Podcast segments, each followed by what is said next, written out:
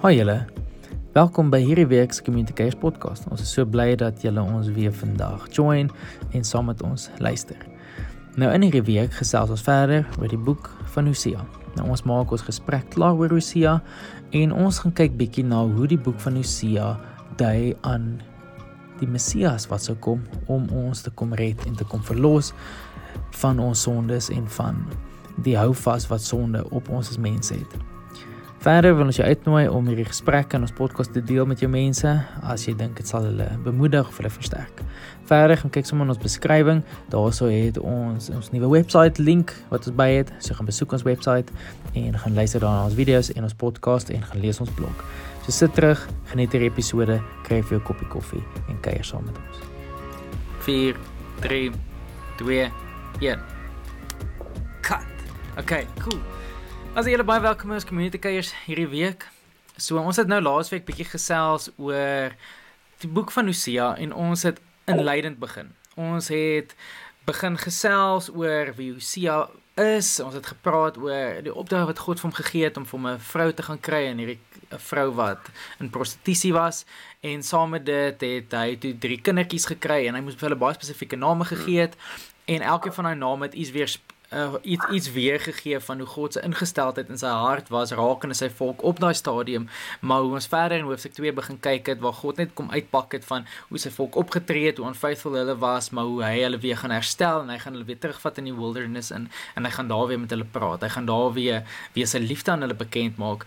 En binne in dit sê hy dan ook weer dat die beeld wat hy neergelê het van die drie verskillende kinders wat gepraat het, hy sal nie I will have no mercy before I sal nou weer mercy hê en so aan. So dit is waar ons nou laasweek was. En hierdie week gaan ons nou die res van die boek net klaarmaak. En ons gaan nou oor hoofs um, net net bietjie 'n paar belangrike punte uithaal uit hierdie boek uit. En dan gaan ons volgende week dan weer ingaan en dan praat ons oor covenants. Want covenants is een van die temas wat ons nou later by gaan kom wat nogal verskriklik baie voorkom in die boek van Hosea. En en ek voel dit is half waar die waar baie van die van die groot gewig agter hierdie boek sit is is agter covenants wat dit is en wat covenants behels. En so ja, baie welkom julle. Cora, so lekker om jou hier te hê en Rudolf en Jacques. Dis lekker om weer saam met julle te kuier hierdie week. So, without any further ado, is julle reg om weg te spring.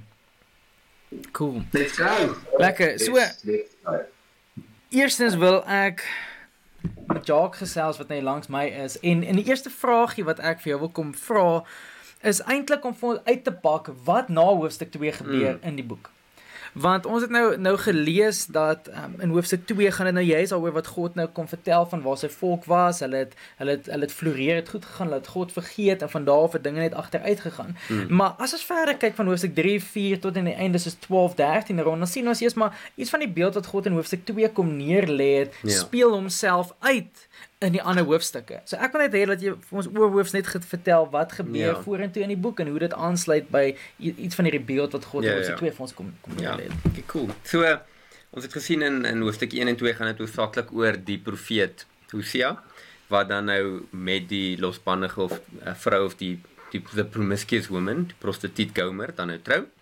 En uh, wat dan gebeur het is Hulle het dan kinders soos Herman gesê en die kinders het spesifieke name en dit was nou hoofstuk 1 en 2 het meestal gegaan oor die profeet Hosea se lewe dan nou wat dan 'n beeld word van God se se verhouding met sy volk.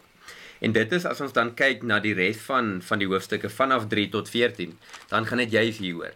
So dit beweeg weg van die die fisiese narrative van die profeet en sy gesin en daai word eintlik die basis of die beeld wat dan tussen God en sy volk uitgebeeld word in die res van van die boek. So ons sien hierso dat dat eh uh, God dan nou vertel oor sy hart teenoor sy mense teenoor sy volk wat is sy hart teenoor sy mense. Um, vanaf hoofstuk 4 dan begin hy praat en hy hy sê vir hulle hy hy lament eintlik oor sy volk Israel en hy begin hulle eintlik maar aankla en sê hierdie is wat julle alles doen. Hierdie is die soos wat die die ehm um, die vrou Gomer egbreek gepleeg het met Hosea hierdie is hoe julle egbreek pleeg teenoor my hierdie is hoe jy geestelik wegbeweeg het. Hierdie is wat jy al doen en dan sien ons al die aanklagtes teen Israel. En dis van hoofstuk 4 tot jy weet hier naby aan die einde is dit net dis aanklagtes. Dit kla die volk aan van wat hulle al verkeerd mm. doen en nie net soos jy weet jy het oor 'n paar lyne getrap nie. Jy draai blaatant weg van my af net soos Gomer blaatant weggedraai het van Hosea af, van haar man af, sy het weggedraai, sy het egbreek gepleeg en net so my volk doen julle presies dieselfde. En julle het eintlik die verbond gebreek deur weg te draai van my af. Maar hmm. dan sien ons die ander deel deur die res van die hoofstukke ook. Ehm um, dan sien ons weer God se hart vir restoration. En ons sien hoofstuk 6 praat van a call to repentance. So dis heeltyd hierdie julle julle loop weg, julle verbreek die hmm. verbond, maar kom terug. Ek roep julle terug. Doen hierdie kom hmm. terug na my toe. En dan sien ons ook God se hart. Ehm um, en ons sien dit hier naby aan aan die einde. Ehm um, vir hoofstuk 11. Dan dan dan praat God en hy sê Maar hoe kan ek jou opgee, Ephraim? Hoe hoe kan ek jou surrender, Israel? How can I make you like like Adma? How can I treat you like the boy? So God praat dan nou, hy sê, "Julle loop weg van my af, yes, maar ek gee julle kans om te repent, maar meer as dit, ek gaan um, en ons sien God sê ook hierso nog voor dit dat hulle gaan in ballingskap weggevoer word." Maar hy sê dan aan die einde van dit, maar ek gaan julle nie verlaat nie. Ek gaan julle aanhou terugroep en dis soos in hoofstuk 2 wat ons gelees het en hoofstuk 3 net soos Hosea toe moes gaan en um vir Gomer terugkoop sê God ek gaan julle weer terugbring. Ek gaan julle terugkoop ten duurste al loop julle keer op keer weg. So dis net die res van die boek is eintlik maar die beeld van Hosea en Gomer um wat dan nou meer uitgebrei word tussen God en sy volk en hoe sy volk eintlik wegloop en hoe hy hulle hulle weer terugbring. Dis baie cool. En uh, so jy's op daai punt Cora wil ek vir jou vra 'n bietjie uit te brei op hoofstuk 3 spesifiek. Want hoofstuk 3 gaan nou daaroor waar God vir Hosea nou sê, gaan nou terug in in in in, in die ESV sê, go again, love a woman who is loved by another man and is an adulteress, even as the Lord loves the children of Israel. En dan gaan hy verder en hy sê, okay, julle so toe toe toe Sia nou ehm um, gegaan en hy het nou uit die aard van die saak vir Gomer weer gekies, maar God het nie gesê hy hoef haar te kies nie. Al wat hy gesê het is gaan kies 'n vrou, maar hoe jy dit doen is soos hoe die Here die kinders van Israel liefhet. Wat half bietjie sin speel wie hy weer moet gaan kies en dan sê hy met hoeveel hy haar moet terugkoop, want hy sê want vir 'n tydperk gaan Israel ook sonder sonder hulle hulle koning of sonder 'n prins wees vir 'n tydperk. En so ek wil net hê of jy 'n bietjie vir ons sal uitbrei jy's op dit dat dat hoekom hoekom het het Hosea weer spesifiek na na Gomer toe gegaan? Hoekom het hy haar teruggekoop en wat is die significance van hierdie van hierdie terugkoop en die prys wat hy betaal het vir haar aan die einde van die dag? So ons kyk na hierdie teks. Ehm um, daar's een kommentator wat eintlik uh die opskrif gemaak het. Ehm um, sy van 'n Smith die opskrif van hierdie gedeelte van van hoofstuk 3 the story of the prodigal wife uh die storie van die verlore vrou en en ek dink dit dit som eintlik die hele hoofstuk 3 op wat hierso gebeur tot 'n sekere mate want ons daar's raakvlakke uit die aard van die saak. Um so Hosea moet gaan en hy moet sy vrou gaan terugkoop. Nou die eerste vraag is hoekom moet haar teruggekoop word? Wat wat se bedrag moet nou vereffen word. En uit die aard van die saak heel waarskynlik toe sy weggedraai het van Hosea af en sy 'n lewe van prostitusie begin volg, het sy nie meer noodwendig 'n inkomste gehad wat sy gehad het want onthou sien dit ook in 'n twee Hosea was die een wat vir voorsien het. Nou lewe sy lewe van prostitusie en uit die aard van die saak jy maak inkomste daaruit maar dalk het sy nie genoeg geld gemaak nie, dalk het sy lenings aangegaan. So daar was skuld en sy dalk haarself verkoop as 'n slaaf, 'n ander manier, maar daar was 'n skuld wat nou uh, op haar naam is wat moes vereffen word. En Hosea gaan toe en hy koop haar terug. En as ons kyk, dis 15 sikkels silwer is die is die een deel en dan ook nou dis interessant want haar naam is ek dink die meer korrekte uitspraak van haar naam in Hebreëus gewees Gomer en dit wat betaal moet word is 'n gomer want dit klink baie dieselfde. Die een het 'n dit is 'n g en die ander is 'n g. Uh maar dit is gomer en gomer. Uh gomer is teruggekoop vir 'n gomer gas en 'n letek gas. Nou dis 220 liter en dis 110 liter. So dis vir 310 330 liter gas is sy dan uit die aard van die saak dan teruggekoop. Nou ek het gekyk na die merkwaardigheid daarvan ek dink die punt kom net daarop neer dat Hosea het nie genoeg silwer gehad om haar net met silwer te kon terugkoop nie. Hy moes silwer en nog bysit. En wat interessant is, ek het die som gedoen. So 'n 'n 'n Eva gas. 'n Eva is ook 'n inhoudsmaat. 'n Eva gas kon jy koop vir 'n sikkel silwer. Nou oké, okay, ons weet nou klaar, Hosea het 15 sikkels betaal plus dan nou hierdie gas. Nou net gou die som doen. Eva gas is 'n sikkel, het jy voorbetaal? en 'n gomer was 10 evas. So 10 evas beteken 10 sikkels. En dit was 'n gomer en 'n half, 'n letek. So dit is 10 evas en 5 evas, dis 15 evas met ander woorde 15 sikkels. So wat het hy betaal? Hy het betaal 15 sikkels in terme van geld en ook dan gars ter waarde van 15 sikkels. So in totaal het hy betaal vir 30 silwer stukke. En as mens dan kyk na die omrekening van daardie tyd, 'n sikkel is 2 drachmas en 'n drachma is 'n 'n dagloon en ons werk teen ons minimumloon, dan beteken dit doen nie soms self. Dis om en by R10000. Hy het om en by R10000 betaal, maar die punt is nie so seer wat die bedrag is nie. Die punt is dit het Isia iets gekos. Hy kon nie net gaan en na sy rekening gaan en sê hierso is die silwer en ek koop haar terug nie. Hy moes letterlik sy hulpbronne rek om alles bymekaar te maak om haar te kon terugkoop. Met ander woorde, dit het haar definitief, dit het hom altans iets gekos om Gomer terug te koop vir homself. Nou dit laat my ook sommer dink aan hoeveel ehm um, hoeveel het Judas vir Jesus mee verraai? Ja, 30 silwerstukke. Ja, uh, sulke stukke en dan ook Josef koop vir 30 silwerstukke. So daar's die die die waarde is, cool. is is dieselfde as as as vir Jesus uit die aard van die saak en vir Josef. So ek dink wat dit interessant maak is as mens dit net gaan lees gaan mens sien die 15 silwer stukke. Maar as mens dan gaan doen iets om verder, dan kom jy agter dis 15 silwer stukke plus 15 silwer stukke se gas. So dit is ook die ekwivalent van 30 silwer stukke. Dit is nogal interessant. Ja. Nou ek dit hier. Ja. In somme dit sorry Jock, is dit juist in Levitikus hoeveel moes hulle betaal het om 'n slaaf te vry te gekoop het? Was ook ontrent in daai. Hmm. Ja. En daai omgewing gewees.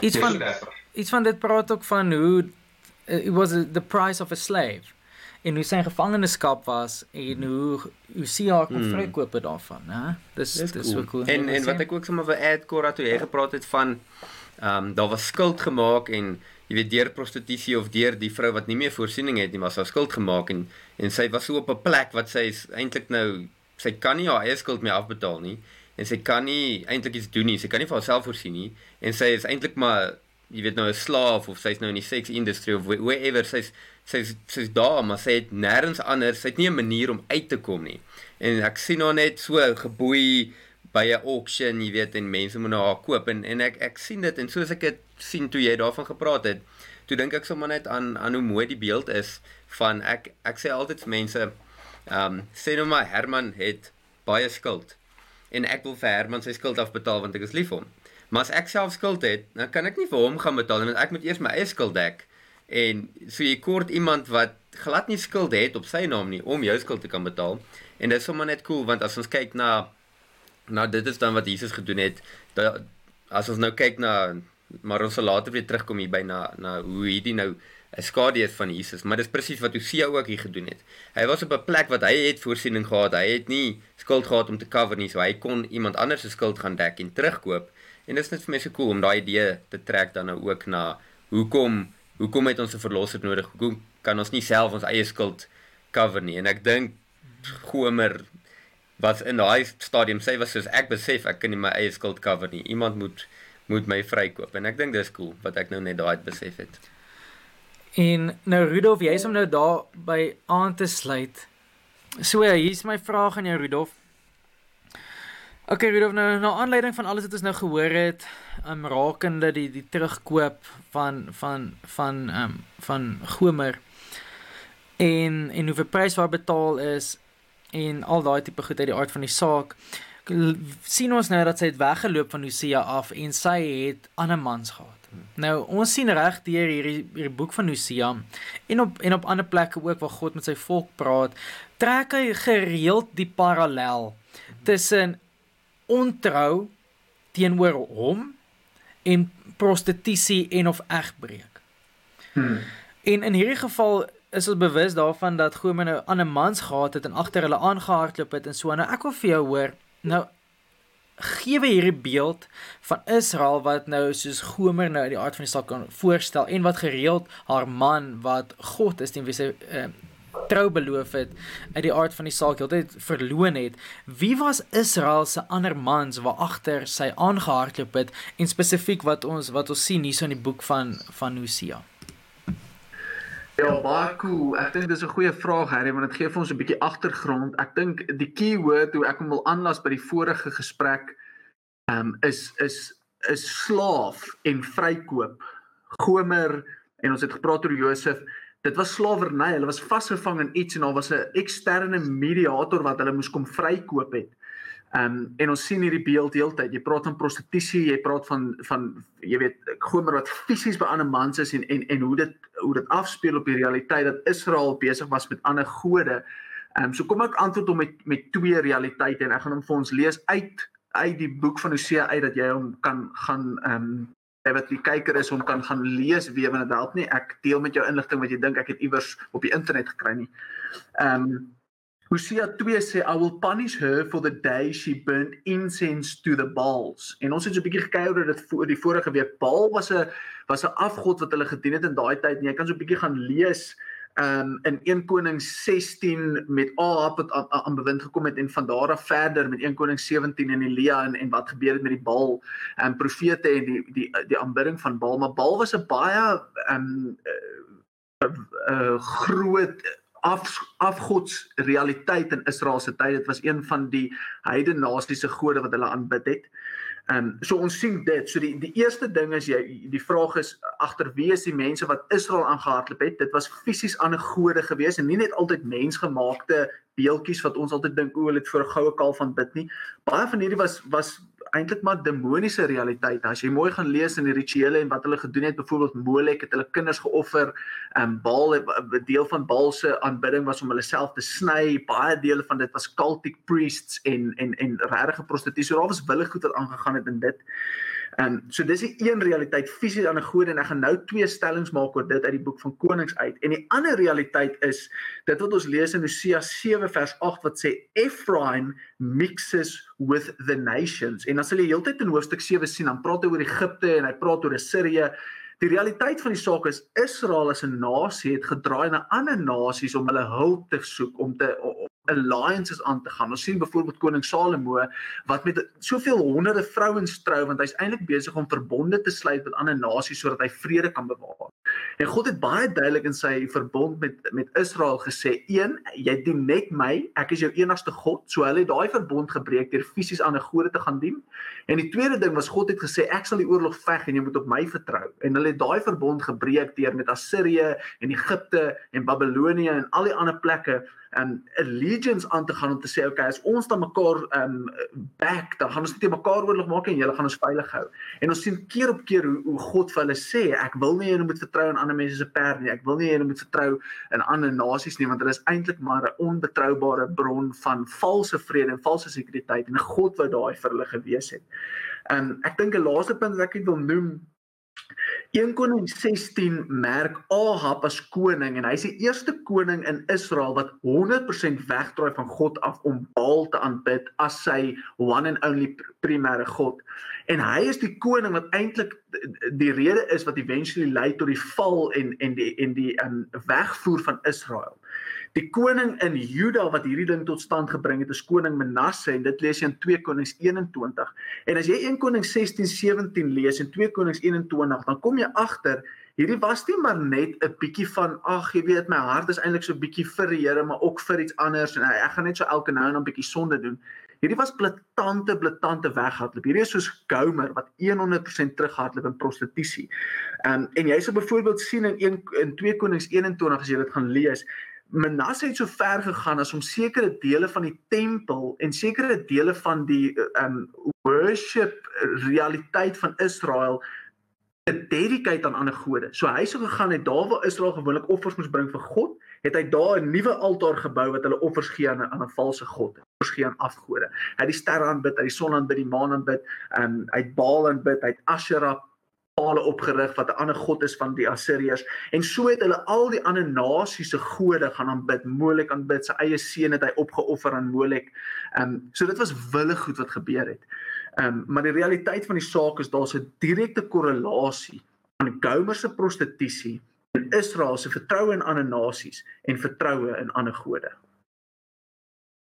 Dit is baie goed en en wat as jy daarso sien is dat toe Israel nou as jy nou kyk na die kom ons vat Assirië en Egipte waarna hulle hulle vertroue gesit het. Jy lees dan in 2 Konings 17, 18 en 19 hoe daai daai vertroue wat hulle kamste gehad het in 'n ander volk come totally crashing down want nadat ons in in die boek van Jonah gelees dat Nineve repented en die Assiriërs koning daarso het het gedraai tyd het nou verloop God het deur Amos vir Israel al gewaarsku het deur Hosea vir Israel gewaarsku het hy geluister nie. Ons sien in 2 Konings 17 18 19 waar Assirië kom en en die hele noordelike koninkryk kom verwoes en hulle wegvoer in ballingskap af en dit sluit dan in by by hoofstuk ehm um, nommer 3 wat ons gelees het hierso in Hosea wat wat God sê dat vir 'n tydperk gaan julle sonder koning wees, sonder prins wees. Julle is weg. En en dis weer eens hoekom God so kwaad was vir hulle want hulle het weer eens hom nie vertrou nie. Nou Korra op op daai punt waar Rudolf genoem het van die Israeliete was ongehoorsaam aan God, hulle het sy verbond gebreek, hulle het sy covenant gebreek en daarom was God so vies vir hulle gewees en hulle het verbonde gaan sluit of met ander nasies of met ander gode. En daai is 'n baie daai is 'n groot woord wat gedurig voorkom in hierdie stuk. En ek wil hê jy moet asseblief vir ons bietjie die gewig agter die woord covenant en of verbond vir ons bietjie kom uitpak om ons net bietjie net konteks te gee rakende hoekom God so ernstig is oor iets soos soos covenant. Nou ek dink jy het aan die begin ook genoem maar ek dink dit is dalk 'n baie goeie idee om iewers letterlik al die verbonde in die woord van God uit te pak want ons heelwat. En sommer net ter wille van die wat luister, ons het baie keer groot geword met twee verbonde. Ons sê ou verbond en nuwe verbond. En Ongelukkig is dit 'n bietjie meer tegnies as as dit. En wat nie regtig daarmee help nie is ons verwys na die Bybel as die Ou Testament of die Ou Verbond en die Nuwe Testament die Nuwe Verbond. En en ja, daar's waarheid daarin, maar daar's nie heeltemal 100% waarheid daarin nie. So as iemand byvoorbeeld sê, ehm um, daar's 'n Ou Verbond, sal my vraag onmiddellik wees na watter verbond verwys jy? En ek gaan net vinnig 'n paar verbonde noem net om te wys dis bietjie meer kompleks as wat dit mag lyk. God het verbond in die tuin van Eden gesluit met Adam en Eva basies en vir hulle gesê heers oor die skepping, woon en bewerk eh, vermenigvuldig. Daar was 'n verbond gewees. Uh een van die bekendste verbonde wat ons vergeet is 'n verbond is natuurlik die verbond wat God met Noag gesluit het. En tot vandag toe nog is ons almal baie dankbaar vir daai verbond, want elke keer wanneer dit reën en ons sien 'n reënboog, word ons herinner want die reënboog is die teken van daardie verbond wat God met Noag en die nageslag van Noag sluit, met ander woorde ons almal, en 'n belofte dat die wêreld nooit vernietig sal word deur 'n vloed nie. So dit gee mense vrede. Dit kan reën soveel as wat dit wil. Die feit dat daar reënboog is, herinner ons aan 'n belofte wat God gemaak het. Met ander woorde, so gaan die verbonde aan. Dan is daar die verbond met Abraham wat die besnydenis het. Daar's die verbond wat God met Moses gesluit het en die teken van daardie verbond is die Sabbat. En so kan ons aangaan en en daar's al hierdie tekens wat ons het wat die verbonde basies dan nou stipuleer. Maar dit kan ons in detail 'n volgende keer deurgaan. Ehm um, waarby ek wil uitkom is, spesifiek hoe is 'n verbond gesluit? So die bekendste een sal wees die verbond wat God met Abraham gesluit het waar hy vir Abraham gevat het en gewoonlik is dit hoe 'n verbond gesluit word. Um diere sou geneem word en hulle sou dan letterlik middeldeur gesny word. Um en dis hoekom ons praat van jy sluit 'n verbond. 'n Meer korrekte manier sal wees om die Hebreëse term te gebruik berit karat wat letterlik beteken jy sny 'n verbond. Jy sny hom middeldeur. So wat dan gebeur is jy sny die diere half en sit hulle dan weeskante en die doel daar agter is eenvoudig as jy jou kant van hierdie verbond nie nakom nie, mag daar met jou gebeur wat met hierdie diere gebeur het. So die bloed wat vloei, daar's altyd bloed gewees met 'n verbondsluiting en dan uit die aard van die saak sal die twee partye wat die verbond sluit, sal dan tussen hierdie karkasse deur loop en dit is interessant en ek dink dis vir ons mens Genesis 15 gaan lees, sal mens sien Abraham diep slaap en dan die visioenbeeld en en basies God wat vir homself en namens Abraham basies deur daai verbond gaan. Maar dis baie interessant as mens in detail ingaan na die verskillende verbonde. Maar die verbond wat hoofsaaklik na verwys word in die konteks wat ons praat as die ou verbond verwys nie net die verbond met Abraham nie en ek en ek wil dit uitlig want dis waar mense baie deurmekaar raak met die besnydenis en die doop en die besnydenis vervang. Doop het nooit die besnydenis vervang nie want die verbond met Abraham is steeds 'n ewige verbond. Ek bedoel dis om te sê ons sluit 'n kontrak en nie daai kontrak geld nie meer nie. Daai is nie die ou verbond waarna verwys word as dit na die ou verbond verwys nie. As mens na Jesegiel kyk, word daar gesê wat is die ou verbond? En die ou verbond verwys na die verbond wat God gesluit het met die Israeliete op Sinai.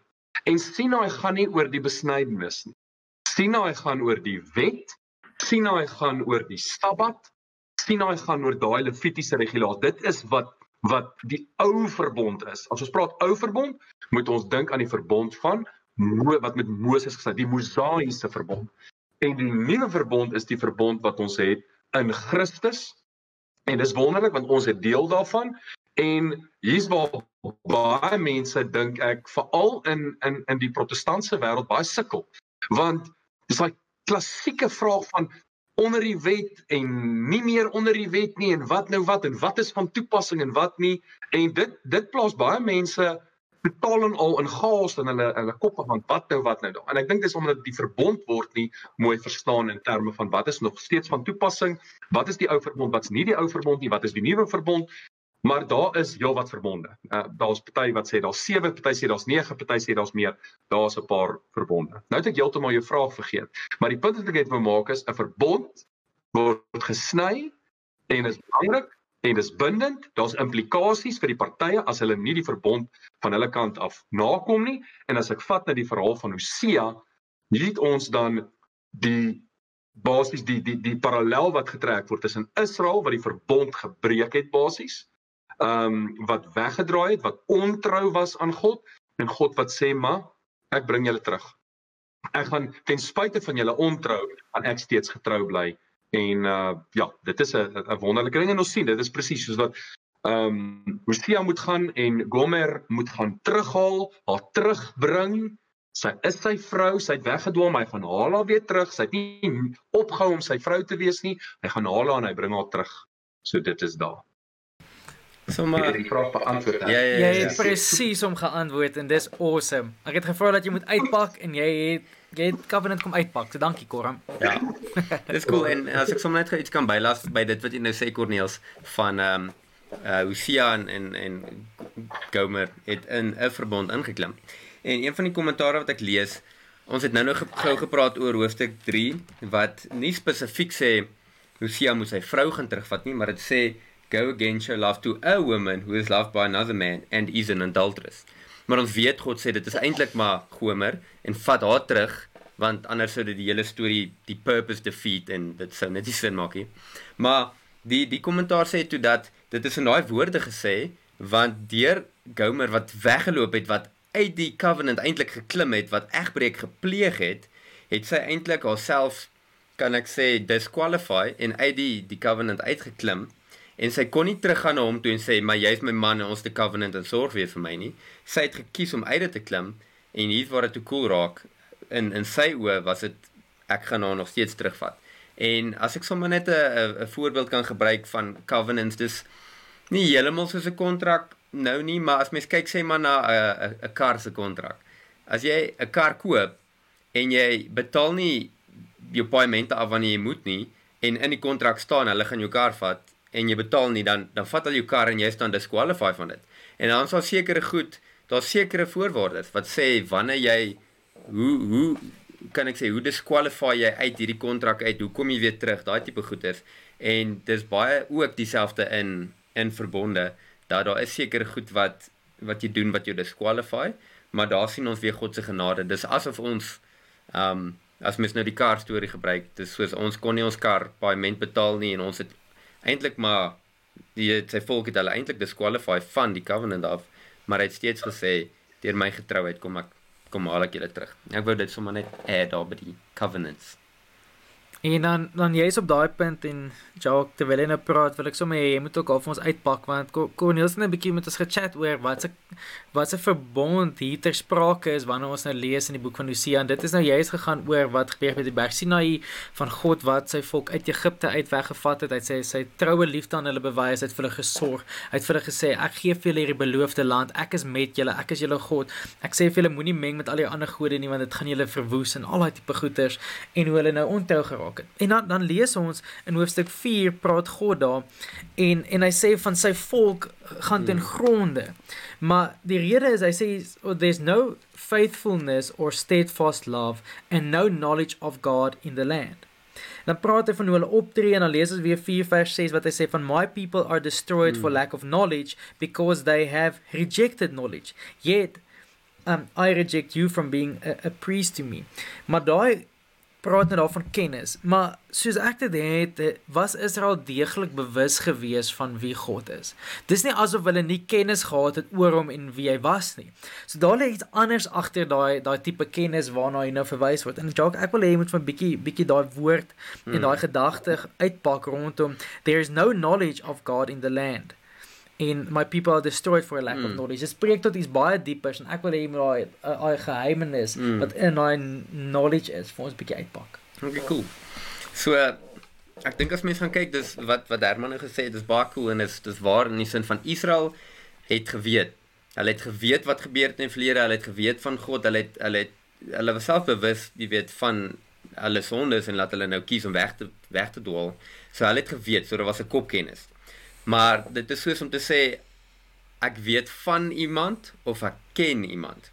En dit is daai woord knowledge so of of to know en daai woord know kom baie voor in Hosea en dis die Hebreëse woord yada. En dit is die die dieselfde woord wat ek weet ons love altyd om te praat oor yada en ginosko en ek sal nou daarby uitkom. Maar Adam en Eva, dit sê ook in in in Genesis dat Adam en Eva het mekaar geken of beken of um in Engels Adam knew Eve. Mm. So daar was 'n relational relational knowledge binne die huwelik, binne covenant was daai die relational knowledge en met tyd toe het hulle kinders gekry. Dit wat die wat die vers sê, Adam knew Eve and she conceived a child. So uh, dit is meer as net ek weet van jou, dit is 'n ek ken jou, 'n intieme kennis. Dit spreek van verhouding. Dit spreek van verhouding, presies. Dit spreek nie net van 'n kopkennis nie, dit spreek van 'n hartskennis. En as mens kyk Matteus 7:21, ehm um, waar hy selfe woorde gebruik, ehm um, sê ehm um, dit is dis daai deel wat wat wat mense na God na Jesus toe kom en en ehm um, of eintlik wat wat Jesus sê wat eendag gaan gebeur, mense gaan kom en vir hom sê ons het al hierdie goeie werke gedoen, jy weet, ons het ons het geweet ons moet dit doen, ons het demone uitgedryf, ons het daai daai daai daai gedoen.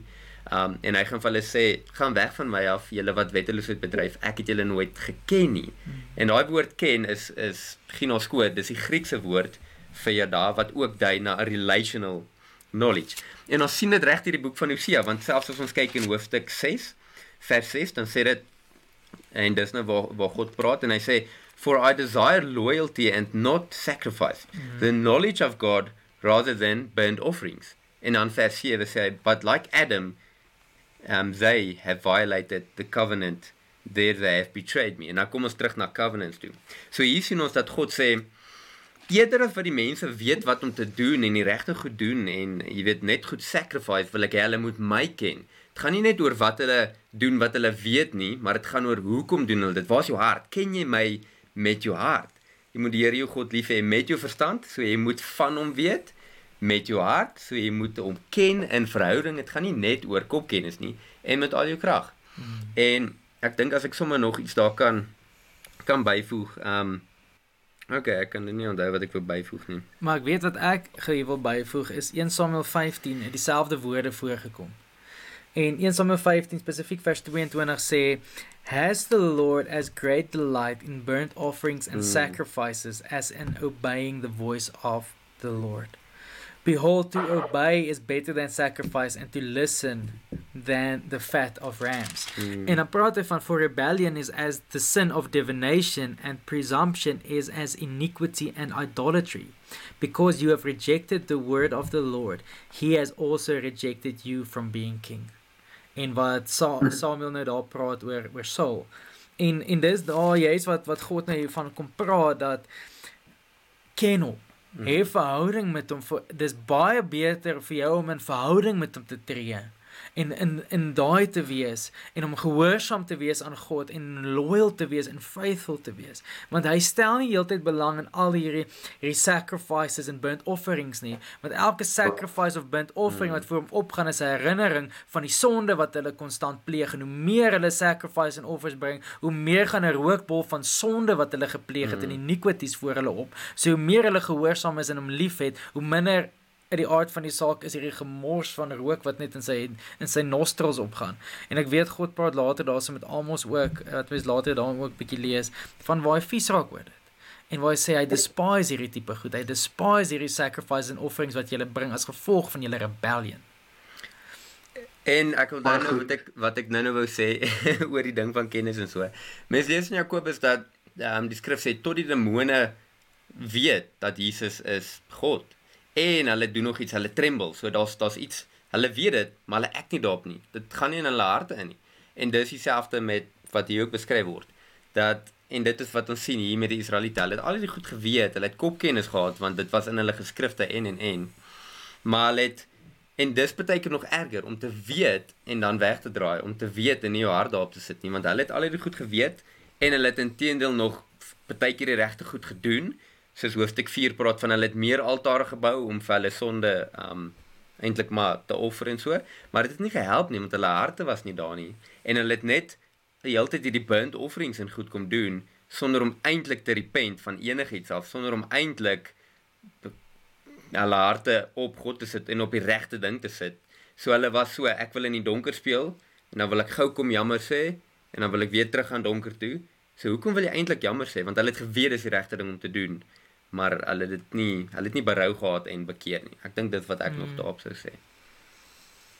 En um, nou Rudolf, ek wil nou by jou nou die volgende vraag stel en ons het nou gehoor van van Hosea wat sy vrou moes terugkoop. Sy was in slawerny gewees of sy was sy skuld gehad, het haar teruggeneem, het vir die bedrag betaal van wat jy die van saak vir 'n slaaf sou betaal en en en hy het haar weer teruggeneem en God sê vir sy volk, "Okay guys, soos julle gaan vir 'n tydperk, is julle nou weg van my af soos wat sy weg was en vir daai tydperk gaan julle nie meer koning hê nie. Julle gaan niemand hê oor julle nie. Julle gaan weggevoer word in ballingskap as gevolg van julle ongehoorsaamheid, as gevolg van die covenant wat julle gebreek het. Maar hy is getrou en God sê hy kom terug. Maar hy sê maar wanneer hy julle hulle weer terugbring, dan gaan hulle hom weer gehoorsaam. They will fear him. Maar hy hy, hy maak 'n baie interessante stelling hierso in hoofstuk 3 en hy sê dat afterward the children of Israel shall return and seek the Lord their God and David their king and they shall come in fear to the Lord and to his goodness in the latter day. So God se goedheid is so groot dat hulle hom vrees as gevolg van daai goedheid, maar dan sê hy daai hoop van daai koning en van daai herstel van julle lê weer in in in koning Dawid. Maar ons weet uit die aard van die saak koning Dawid is nou al 'n paar 'n paar jaar oorlede. So na wie word verwys hierso as hulle gaan terugkeer na koning Dawid toe? Baie cool vraag Harry, want is hy die enigste profeet wat Dawid gebruik as 'n uh, vergestalte van iets groter nie? Ehm um, ek gaan hom ek gaan hom antwoord met skrif want andersins klink dit soos een of ander slim ding wat mense iewers opdink en dan ehm um, help dit nie noodwendig nie. So kom ek lees gou vir ons Psalm 40 vers 6 tot 8 want een van die woorde wat ons nie soms sal gebruik om Dawid te beskryf nie is die woord profeet. Um, ons sal ook nie noodwendig na die boek van Psalms kyk as 'n profetiese boek nie. Ons sal na dit kyk as 'n poëtiese boek of 'n boek wat vir ons verduidelik wie was Dawid of 'n boek wat ons help om die Here te aanbid. Maar dis nie heeltemal alleenlik waar nie. Hoor wat sê die skrif.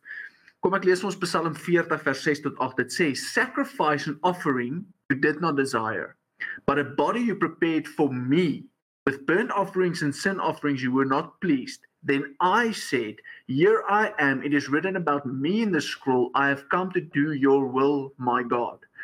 Psalm 40, dit word geskryf deur Dawid. Dit word geskryf in die eerste persoon, so dit klink vir ons hier Dawid praat oor homself. Maar ons weet dat die Nuwe Testament en alles wat gebeur het na Christus en met Christus se tyd op aarde help ons om te verstaan hoe die Nuwe Testament waaroor dit eintlik gaan en en en help ons om die revelation te kry van die hele Ou Testament getuig oor wie Jesus Christus is en is die hele storie ons praat van die meta narrative die groter prentjie Hoor wat sê Hebreërs 10 wat terugverwys na hierdie skrif. Hebreërs 10 vers 5 sê therefore when Christ came into the world he said sacrifice and offerings you did not desire but a body you prepared for me en dan haal hy daai hele stuk aan in Psalm 40 vers 6 tot 8. En nou maak Psalm 40 vers 6 tot 8 vir ons baie sin. Hoekom? A body you prepared for me is Christus se woorde wat hy sê my liggaam gaan ek gee as 'n offer vir sonde. Sacrifice and offerings you did not desire. Ons praat tog heeltyd daarvan. Ou testamentiese manier om te deel met sonde. Dit was nie God se hart nie. Van die begin af was sy hart dat sy mense sy wil sal doen. OK. So met ander woorde ehm um, Dawid is besig om te profeteer.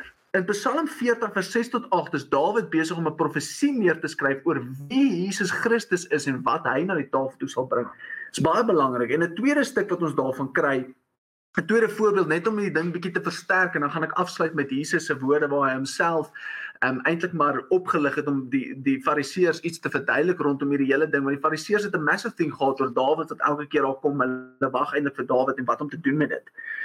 Handelinge 2 en ek gaan sommer net van 6 van vers 26 af uh, lees. Therefore my heart is glad and my tongue rejoices. Hierdie is weer 'n psalm wat aangehaal word. My body also will rest in hope, because you will not abandon me in the realm of the dead. You will not let your Holy One see decay. You have made known to me the paths of life. You will fill me with joy in your presence. So David skryf hierdie psalm. Hy skryf hierdie fisiese woorde en dit klink asof hy praat oor homself. Maar hoor wat sê Petrus in hindsight tot die hele ding. Hy sê fellow Israels Uh, Israelites, I can tell you confidently that the patriarch David died and was buried, and his tomb is here with us today. But he was a prophet and knew that God had promised him an oath that he would place on him on uh, uh, one of his descendants on his throne Babylon. Seeing what was to come, he spoke of the resurrection of the Messiah, that he was not abandoned to the realm of the dead, nor did his body see decay. God has raised Jesus to life, and we are all witnesses about that. So weer eens 'n Psalm, Dawid skryf dit uit sy eie hoedanigheid uit. Dit klink vir ons as ons die Psalm gelees in Psalms, klink dit vir ons o, Dawid is maar net besig 'n bietjie besig om saam met die Here te kuier en hom te vertrou vir sy lewe. En dan kom die Nuwe Testament se realiteit en sê Dawid's eintlik 'n profeet wat besig is om te getuig. Hoekom? Want God het vir Dawid beloof daar sal altyd iemand um uit jou nageslag het op jou troon sit En weet jy wat's my 'n massive interessante realiteit van hierdie en dan gaan ek gou afsluit met met hoe dit van toepassing is op Jesus. Ehm um, as jy gaan lees aan die einde van 2 Konings. Ons het nou klaar bietjie gepraat oor die ballingskap. Ehm um, die konings was almal ongehoorsaam aan die Here en eventually is hulle uit uitgevoer in ballingskap en die laaste ballingskap is die Assiriese ballingskap. Um, en dit lees jy van aan die einde van 2 Konings, maar weet julle wat vir my amazing is? As jy gaan lees aan die einde van 2 Konings sal jy sien net voor die boek van Konings toemaak sê dit in the 37th year of the exile of Jehoiakim king of Judah in the 12th year en dan praat hy oor die koning van Babylon dan sê dit the, the king of Babylon released Jehoiakim king of Judah from prison. En dan sê dit hoe hierdie koning van Juda ewe skielik sit hy by die ander koning. Met ander woorde hy's nie in die tronk nie En hierdie hierdie koning wat hulle hiervan praat, hierdie ehm um, Jehoiakim is uit Dawid se nageslag uit. So dis God wat besig is om 'n belofte wat hy vir Dawid gegee het te preserveer deur selfs 'n koning en hierdie koning gaan jy lees 'n paar hoofstuk vroeër is nie gehoorsaam gewees aan die Here nie. So hierdie Jehoiakim is besig om in 'n plek van prosperity te leef oor 'n belofte wat God vir Dawid gemaak het dat daar altyd iemand uit sy nageslag sal wees wat op die koning um, troon sit. En ons weet selfs die boek van Openbaring getuig dat dit is eh, die ander Jesaja praat van the root of David of the root of Jesse. En Jesse is Dawid se pa en dit gaan heeltyd daaroor dat eventually gaan uit Dawid uit gaan die Messia kom. En jy kan dit gaan lees in die um genealogy van van Matteus 1 wat ons baie keer net skiep. Daar sien jy Dawid en dan af Jesus. Uit die uit die uit die um geslagslyn van Dawid kom Jesus en al wat Hosea besig is om hier te doen is hy's besig om net daai hele ding wat ek nou te verduidelik het, het hy is hy nou net besig om met een woord op te som. Hulle sal weer vir Dawid volg. Hy is daar besig om te sê Dawid gaan uit die dood uit opstaan en hulle gaan hom ewe skielik volg. Nou, hy is daar besig om te sê ouens, julle almal weet wat se belofte rondom Dawid. Die belofte rondom Dawid is 'n herstel van 'n koninkryk, is 'n koning wat ons gaan lei, is 'n Messia wat ons gaan red, is verlossing, is versoening met God, is die herstel van van ehm um, van 'n 'n 'n prosperity in by God wees, God wat voorsien, ons onder God. Onthou Dawid het een van die most prosperous tyd ehm um, gehad. Obviously Salomo en rykdom, maar in Dawid se tyd het hy oorwin oral waar hy gegaan het. So dit was 'n dit was 'n ideologie in hulle koppe wat hulle geweet het, ja, as ons maar net geleef het in Dawid se tyd. En Hosea is besig om daai ding in sy geestelike waarheid en realiteit te herstel deur te sê ouens, julle sal weer agter Dawid aanloop. En dit vat ons en ons heidene met die mindset wat ons noodwendig het uit die history en hierdie bietjie agtergrond te verstaan. Hosea is eintlik besig om te sê, Jesus Christus die Messias sal julle weer kom lei as 'n prins in die nuwe koninkryk van God en daar sal herstel wees en verzoening vir God. En dis hoe hoe hy die prentjie terugbring terug na Jesus toe. Ja, daai is briljant. en en dit is so goed gesê Rudolf want dis nou juist die punt waarby ek nou wil kom inskerp op is hoe Hosea se naam dieselfde is as wat ons uitgeklaar het in in laasweek se video is God red. He's a redeemer. Soos Joshua, Yeshua wat kom red en waar Jesus dieselfde naam het. En nou sien ons dat oor 'n paar jaar, hulle is nou in ballingskap gewees, maar gaan Jesus uit die aard van die saak hulle geestelik kom red en kom verlos hmm. en hulle kom herstel. Maar net soos wat Hosea 'n prys betaal het vir Gomer om haar weer terug te kry, het hy haar kom red of haar kom verlos van haar slawerny of haar bondage waarin sy was. En ons weet uit die aard van die saak is dit presies wat Jesus kom doen het vir ons. En Cornelius, ek wil hê jy moet my op hierdie punt bietjie uitbrei en en ons lees daarvan in Hosea hoofstuk 13 vers 14. En hier staan geskryf, I shall ransom them from the power of Sheol. I shall redeem them from death. O death, where are your plagues? O Sheol, where is your sting? En daai woorde word deur Paulus ook aangehaal En hier's nou een van die eerste keer wat dit nou voorkom. Maar ek wil hê ons moet 'n bietjie uitbrei rondom die prys wat Jesus dan nou kom betaal het om ons uit hierdie slawerny uit te kry en hoe dit nou aansluit by hoe hoe Sia ehm um, daai selfde beeld kom uitleef het in sy persoonlike lewe. Die die parallelle is redelik duidelik en van dit is al uitgelig so ek sal net kortliks basies net dit hersien. Maar ek bedoel jy sit met Yeshua versus Hosea, ehm um, dis die twee wat jy het. God verlos, God verlos, hulle naam beteken dieselfde. Ehm um, albei wat wel Hosea het 'n prys betaal wat die ekwivalent was van 30 silwer muntstukke. Jesus het ver meer betaal. Hy het sy lewe gegee ehm um, aan die kruis en die duurste prys betaal. Albei het dit gedoen as daai parallel weer trek om terug te wen, om terug te kry sodat daar weer verhouding kan wees ehm um, wat as gevolg van sonde, as gevolg van ontrou ehm um, seer gekry het. En dan hierdie deel wat jy hierso aanhaal uit Hebreërs ag ehm, Hosea 13 is uit die aard van die saak die parallel met uh Korintiërs. 1 Korintiërs 15 waar waar Paulus praat oor die opstanding en hy praat oor die finale oorwinning wat Christus nie net behaal het om ons terug te wen nie, maar ook oor die dood basies behaal het.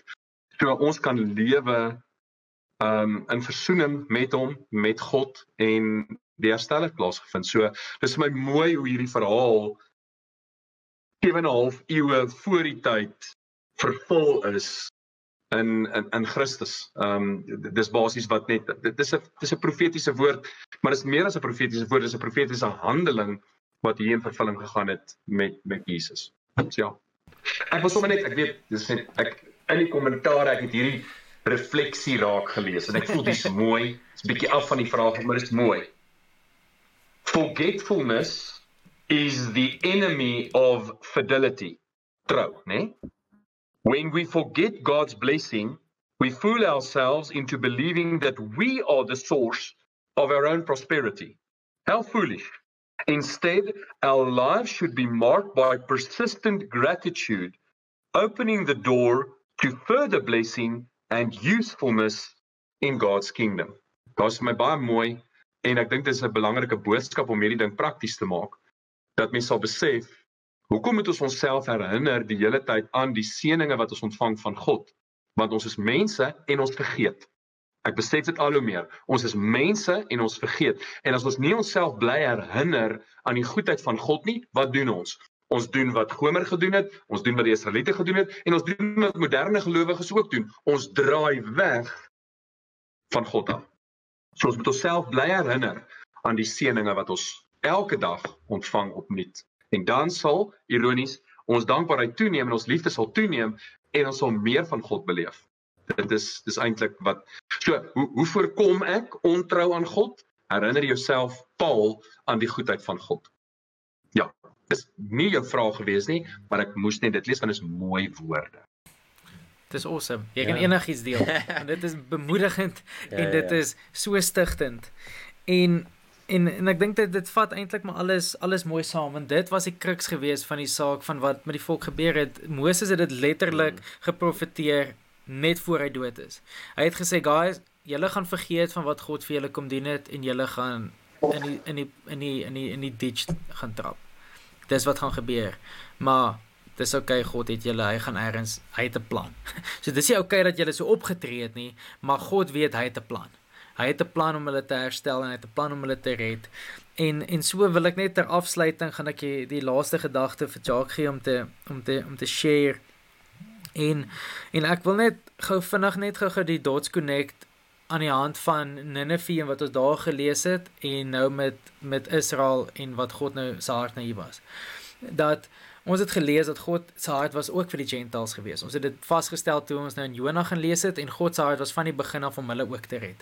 Hy was hy, hy sy hart is vir all peoples. Dis waarvoor die belofte wat God aan Abraham gemaak het, daai covenant het gesluit dat deur jou sal die nasies almal geseënd wees. En daar het ons dit klaar vasgestel. En God is regverdig en hy het vir sy is vir die Israeliete ook al gesê toe hy vir hulle die wet gegee het dat die oomblik wat julle soos hierdie ander heidene nasies gaan optree, julle gaan dieselfde straf ontvang soos wat ek nou op hulle toe dien. En dit sien ons God was regverdig geweest. Hy het gesê vir die guys, okay, julle Israeliete, julle het sleg opgetree, julle is ongehoorsaam geweest, julle breek my wette. Hier is die gevolge van julle besluite.